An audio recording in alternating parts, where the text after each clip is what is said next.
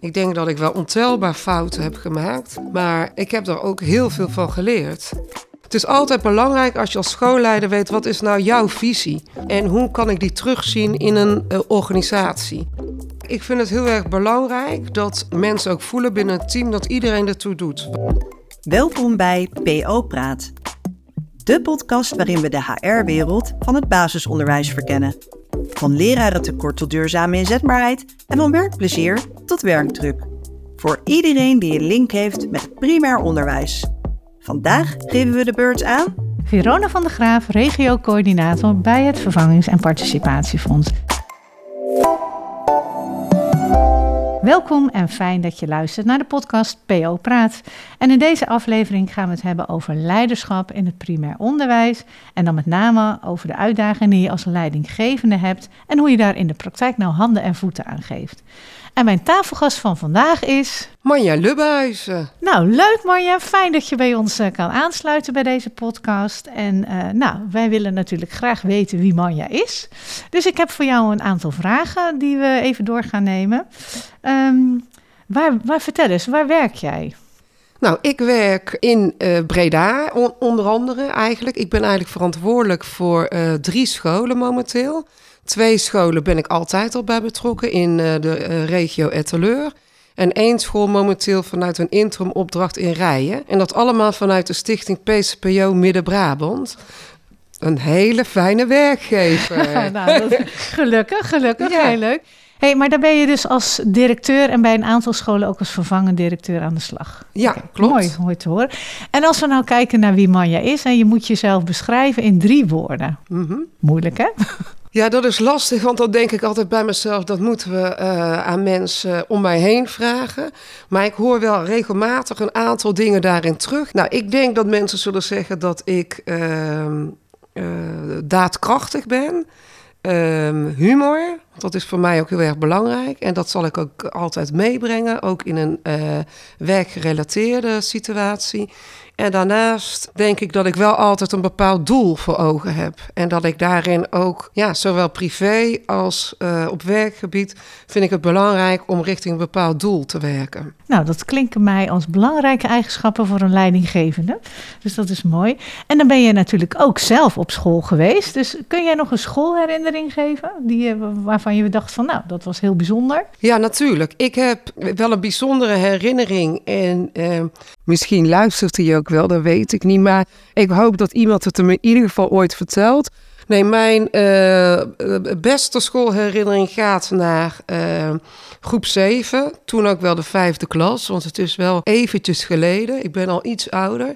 Maar in de vijfde klas op de Brigida school in Bavel werkte meneer Bekkers. En uh, meneer Bekkers die, ja, is voor mij daarin wel een inspiratiebron geweest. In ieder geval om het onderwijs deels in te gaan. Meneer Bekkers gaf zijn lessen kleur. En dat deed hij door bijvoorbeeld uh, liederen te zingen over de Kaspische Zee, waardoor de Kaspische Zee ook in één keer een hele andere betekenis kreeg. En ja, hij verzon altijd leuke dingen. En in de tijd van verkiezingen, waar we nu bijvoorbeeld in staan, deden wij ook uh, eigen verkiezingen. En mochten we zelf partijen maken. En legde hij op die manier uit hoe het kiessysteem en het rechtssysteem in Nederland werkt. Dus hij maakte daarin al een hele eigentijdse, sprankelende onderwijsomgeving. Dus um, aan hem heb ik mooie herinneringen. Ik kan me voorstellen dat dat inspirerend is. Het, het klinkt als heel leuk onderwijs in ja, ieder klopt, geval. Ja, klopt. Ja. Zeg, we hebben in het kader van leidinggevende zijn een aantal stellingen. En nou, misschien is het leuk als je daar heel kort op kan reageren, ja of nee. Um, de competenties van een schoolleider in het primair onderwijs zijn de drijvende kracht achter een goede schoolorganisatie. Um, ja, ik ben het daarmee eens. Want ik denk dat um, de competenties die een schoolleider met zich meebrengt, um, ja, doorcijpelen in je schoolorganisatie. Ik denk dat je dat ook uh, al voelt als je bijvoorbeeld een school binnenloopt. Ja, nou we gaan er misschien zo nog even dieper op in. Tweede stelling, als schoolleider is het voeren van goede gesprekken met medewerkers essentieel voor een cultuur van vertrouwen en groei. Ja, ik denk, uh, ik ben van mening dat je als leidinggevende altijd in gesprek moet blijven met je medewerkers en collega's. En uh, ogen en oren ook moet houden voor um, hoe mensen aan een dag beginnen. En uh, ja, daar ook geluid aan geven. En um, daardoor creëer je ook een cultuur met vertrouwen. En die heb je ook nodig om uh, goed je werk te kunnen doen. Dus daar ben ik het ook mee eens. Al twee keer eens. Nou, het is niet zo dat ik het overal altijd zo snel mee eens ben. Maar goed. Wij, wij willen een positieve insteek van het stuk leiderschap. Dus wie weet. Maar we hebben nog een stelling voor je. De voortdurende ontwikkeling van een schoolleider is een kritische factor voor succes en groei van de schoolorganisatie. Ja, daar ben ik het ook mee eens. En dat vind ik ook heel eigen tijd. Ik denk dat het belangrijk is dat je naast de ontwikkeling van leerlingen, je ook bezig bent met de ontwikkeling van je eigen team, maar ook de ontwikkeling van jezelf. De ontwikkeling van jezelf. En uh, dat kan door bijvoorbeeld met andere di uh, directeuren in gesprek te gaan of een bepaalde sparringspartner te zoeken. Maar ik vind het ook gewoon heel erg nodig dat uh, leidinggevenden altijd aan hun eigen ontwikkeling werken door bijvoorbeeld extra cursus of opleiding te blijven volgen, zodat je eigen leiderschap kan blijven uitvoeren. Ja. Dus je blijft werken aan het ontwikkelen van je kennis, maar misschien ook competenties. Mm -hmm. En als je nu kijkt naar competenties, welke competenties denk je dan die, dat die voor een beginnend schooldirecteur heel belangrijk zijn? Ja, ik vind het belangrijk dat je in ieder geval als beginnend schooldirecteur zou ik altijd, dat zijn ook vragen, even tip tussendoor voor als je sollicitatiegesprekken hebt. Het is altijd belangrijk als je als schoolleider weet wat is nou jouw visie. En hoe visiegericht ben jij? Wat is jouw visie op onderwijs? En hoe kan ik die terugzien in een uh, organisatie? Dus visiegerichtheid is eigenlijk wel een competentie waarvan ik denk die is nodig om te hebben. Daarnaast vind ik het belangrijk dat je oog hebt voor uh, ontwikkeling van mensen. Naast ontwikkeling van jezelf zal je ook een brede kijk moeten hebben op de ontwikkeling van je mensen. Uh, hebben mensen genoeg uh, cursussen, aanbod gehad? Zie je ook genoeg waar, hun behoeftes, maar ook hun ambities liggen en wat nodig is voor een schoolorganisatie? Dus ook het ontwikkelen en oog blijven hebben voor mensen is belangrijk. En als laatste, nou ja, ik heb er nog wel meer, maar eventjes om het bij drie te houden, is het investeren in uh, goede relaties met de omgeving. Vind ik ook iets wat belangrijk is voor startende schoolleiders. Om ook de omgeving, dus buiten je school, erbij te betrekken of in je school te halen. Oké, en kun je daar misschien een voorbeeld van geven? Hoe heb je dat bijvoorbeeld zelf aangepakt? Nou, ik heb bijvoorbeeld zelf op een van de scholen waar ik leiding geef, heb ik uh, bewust contact gezocht met uh, de moskee die daar in de straat is. Dus contact gezocht met de omgeving door uh, met de imam in gesprek te gaan. Ik had veel leerlingen die ook naar die moskee gaan. En daardoor heb ik wel een ander zicht gekregen. We zijn toen ook met de hele school op visite geweest bij de imam. Ja, niet bij de imam zelf, maar in de moskee natuurlijk. Waardoor uh, ja, we toch ook een andere relatie hebben gekregen. En ik ook ja, het heel erg mooi vind om kinderen daarin ook op een bredere manier mee te nemen in de omgeving. Maar daarnaast heb ik ook een buurtgebouw naast die school. En in dat buurtgebouw zitten wat oudere mensen. En uh, nou, die heb ik ook betrokken bij de school. Dus daar hebben we bijvoorbeeld, uh, uh, wij hebben een moestuin en daar hebben we dan met de kinderen voor gekookt. En daar hebben de mensen daar, mochten dat uh, opeten, de eigen bereide maaltijden. Maar daarnaast helpen ze ook wel eens mee met verkeersexamens. En één keer per jaar hebben we een pannenkoekendag, waarin wij ook de mensen trakteren op pannenkoek. Ik vind het belangrijk dat kinderen niet alleen hun uh, thuisomgeving hebben, maar dat ze zien dat er naast school nog meer beweegt in de omgeving. En als leidinggevende is het nodig dat je daarin ja, een breed perspectief uh, hebt. Oh, het klinkt echt heel boeiend. En wat levert dat jij nou op als school? Want wat, wat zie je dan aan ontwikkeling bij kinderen bijvoorbeeld? Nou, je ziet uh, in ontwikkeling bij kinderen dat dus um, ja, school, wat ik net ook zei, hè, dat dat dus meer is dan alleen maar een bepaalde uh, kadering. Dus dat school ook uh, de wijk inhoudt. En dat dat dus verder gaat dan alleen maar leren. Dus dat je daarin dus ook betekenisvol kan zijn voor anderen. Dus dat heeft ook te maken met bijvoorbeeld een stukje burgerschap. Ja. Dus je gaat eigenlijk breder uh, het lesgeven zien hè, dan alleen de lessen in de klas. Ja, klopt. Zou je kunnen stellen. Ja. Oké, nu ben je natuurlijk al. Hoe lang ben jij nu leidinggevende? Acht jaar. Acht jaar nu uh, vanuit die directie. En dan heb ik nu dan al een aantal jaar een bovenschoolse functie. Maar ik heb dat wel altijd, dat leidinggevende, leuk gevonden. Ook toen ik. ik heb zelf ook gewerkt als leerkracht, maar ook toen zat ik al heel snel of eigenlijk ja, gelijk denk ik wel.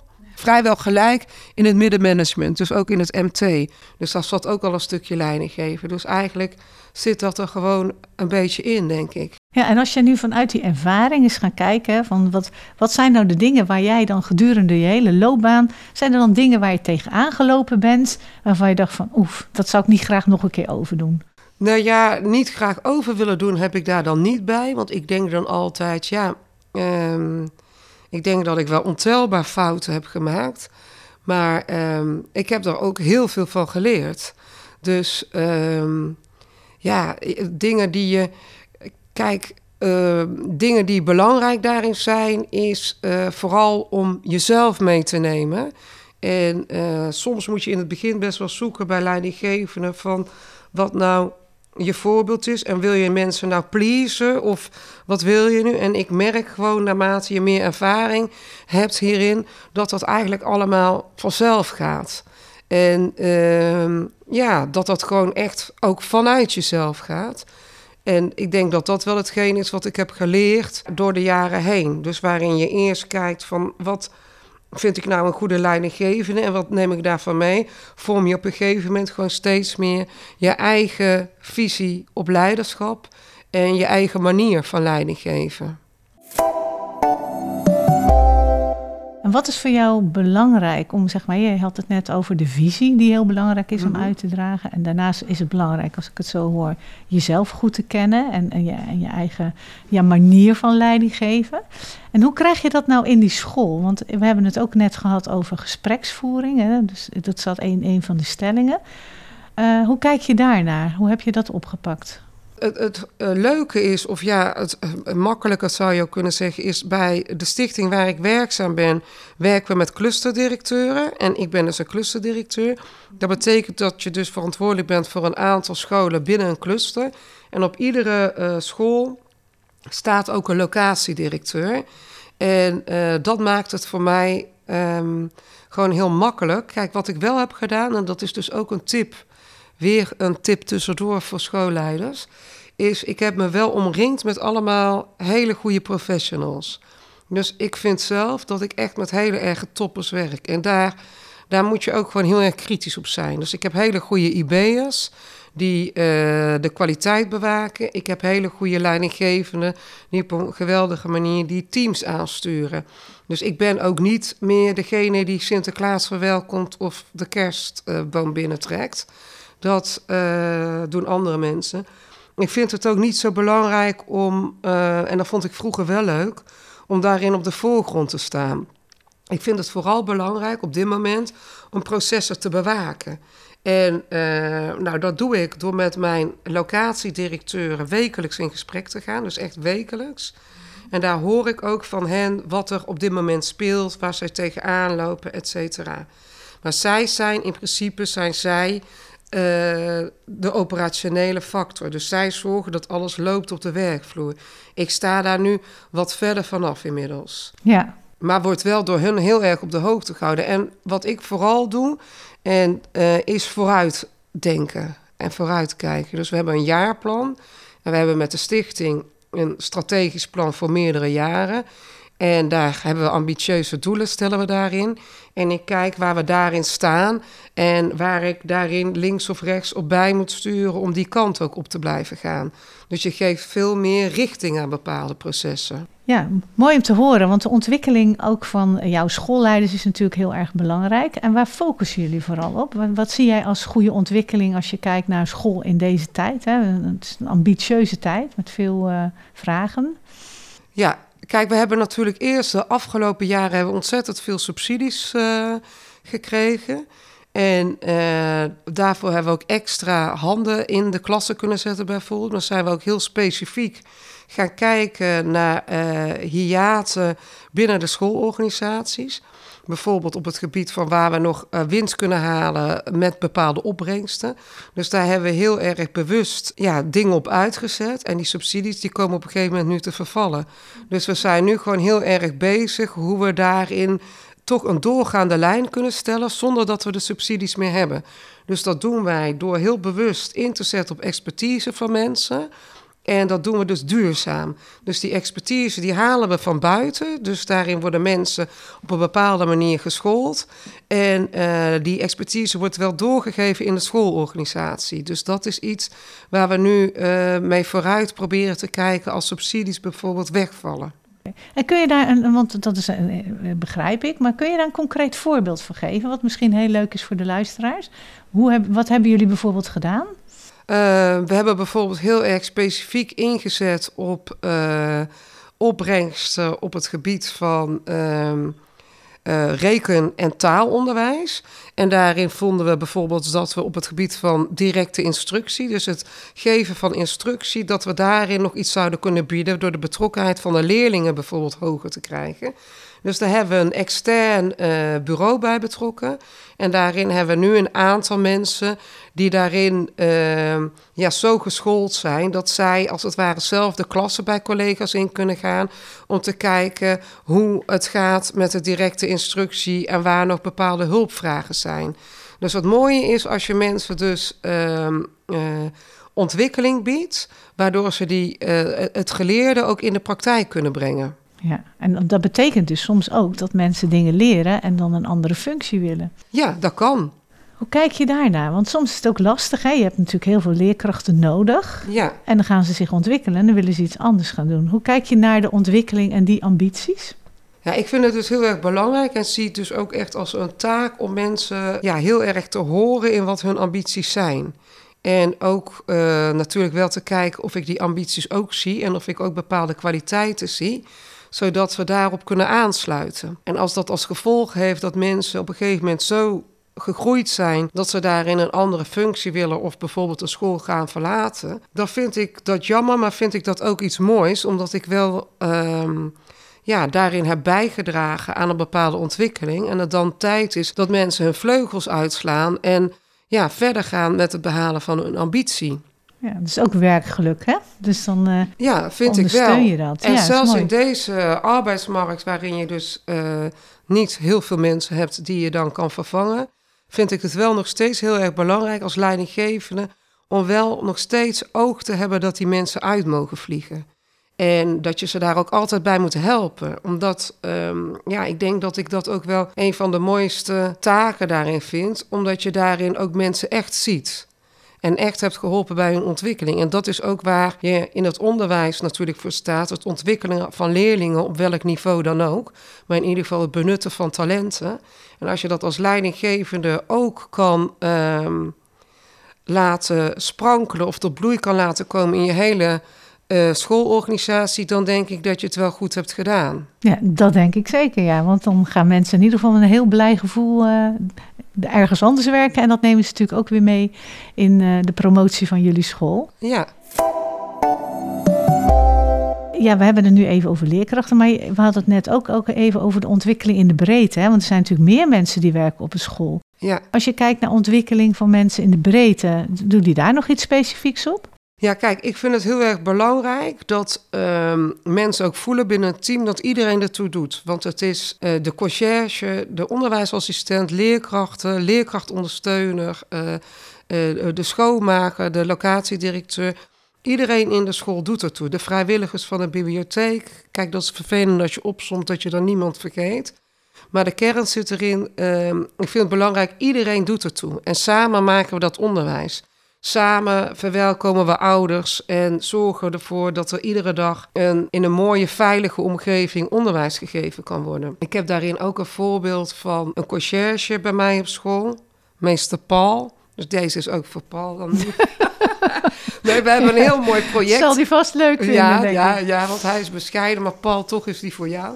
Nee, we hebben een heel mooi project. Want naast uh, het faciliteren aan uh, hoogbegaafde leerlingen, faciliteren wij ook natuurlijk, um, of bieden wij eigenlijk passend onderwijs, zo kan ik het beter benoemen, aan leerlingen die praktisch begaafd zijn.